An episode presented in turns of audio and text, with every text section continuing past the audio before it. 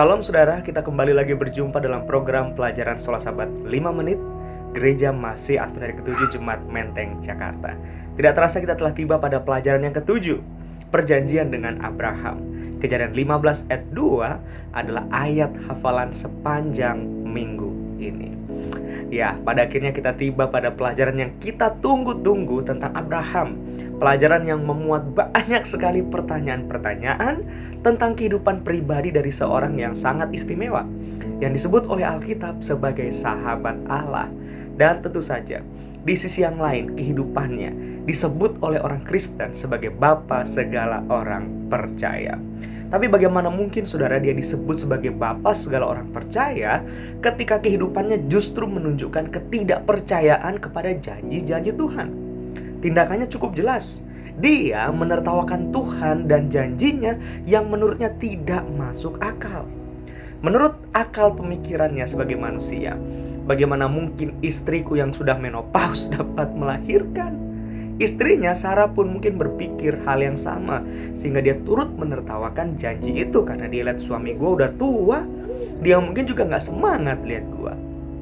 Bagaimana mungkin Bapak segala orang percaya lebih memilih untuk menjalankan strategi manusia yang secara budaya memang itu halal, tapi itu bertentangan dengan prinsip Tuhan. Mengambil hambanya untuk memenuhi rencana Tuhannya.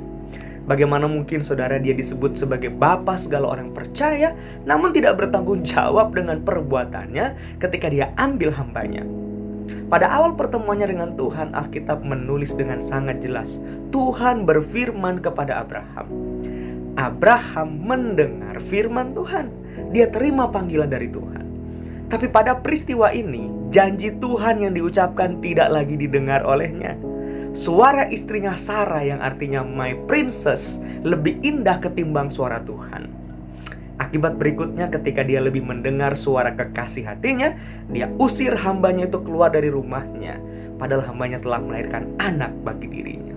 Tapi ajaibnya dalam peristiwa yang merugikan hambanya itu, Tuhan malah turun ke bawah. Dia dengar keluh kesah dari hambanya yang diusir itu. Dan memberi nama anak yang dilahirkan dengan sebutan Tuhan mendengar Ismail. Sebuah paradoks bukan? Dan yang hebatnya lagi, hamba itu menyebut Tuhan dengan sebutan Tuhan melihat dan memperhatikan Elroy. Sekarang saudara siapa yang cocok dipanggil orang percaya? Hambanya atau tuannya? Ya, sepertinya Abraham melupakan apa yang baru saja terjadi ketika Tuhan mengikat perjanjian dengan dirinya. Kejadian 15 menulis ada upacara korban yang dilakukan oleh Abraham sebuah tindakan yang merujuk kepada kematian Kristus. Ini juga pengakuan yang pasti bahwa keselamatan hanya didapat melalui anugerah dan pengorbanan. Tapi Abraham lupa pesan penting dari peristiwa itu. Burung-burung buas yang uh, hingga pada daging-daging hewan korban itu memberitahukan peristiwa pahit bahwa akan ada jangka waktu 400 tahun keturunannya akan mengalami perbudakan. Tapi pada generasi keempat dari keturunannya, mereka akan kembali ke tempat di mana perjanjian itu dibuat. Ya, artinya melalui perjanjian itu, Allah memberi pengertian kepada Abraham, mau menegaskan kepada Abraham bahwa eh Tuhan Allah, aku akan memenuhi janjiku untuk memberikan tanah itu kepadamu melalui keturunan-keturunan. Saudaraku, hari itu sangat terik. Siang hari bolong tapi Tuhan bertanya kepada Abraham, "Coba kamu lihat ke langit, ya? kamu lihat bintang-bintang di langit dan kamu hitung. Seperti itulah banyaknya keturunanmu akan kubuat." Anehnya Abraham percaya. Saudara bagaimana mungkin dapat melihat bintang yang banyak dan tidak terhitung banyaknya ya? di tengah hari yang sangat terik? Itu aneh. Lebih aneh lagi ketika Abraham seolah-olah melihat hal itu dengan mata imannya dan percaya bahwa itu akan terjadi. Tapi pertanyaan pentingnya adalah mengapa kemudian dalam perjalanan kehidupannya dia justru melupakan semua janji-janji Tuhan. Dia menunjukkan sikap tidak percaya kepada Allah kalau pada peristiwa itu dia tidak dapat melihat namun dia percaya.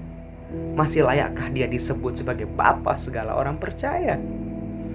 Pada akhirnya pelajaran hari Selasa menolong kita memberikan penjelasan bahwa ternyata benar janji itu telah dirusak oleh Abraham karena tindakan ketidakpercayaannya. Tapi Allah punya inisiatif untuk membaharui perjanjian itu dengan sunat, ya. Abram yang artinya bapa sekarang disebut Abraham, bapa segala bangsa. Sarah yang artinya my princess sekarang disebut Sarah. You are no longer my princess, but you are the princess of all nation. Saudara, bagaimana kita dapat menyelami dan mendalami pelajaran ini untuk dapat kita aplikasikan dalam kehidupan kita? Bagaimana kita bisa belajar untuk tetap fokus kepada Kristus dan kebenarannya sebagai satu-satunya harapan dalam hidup kita?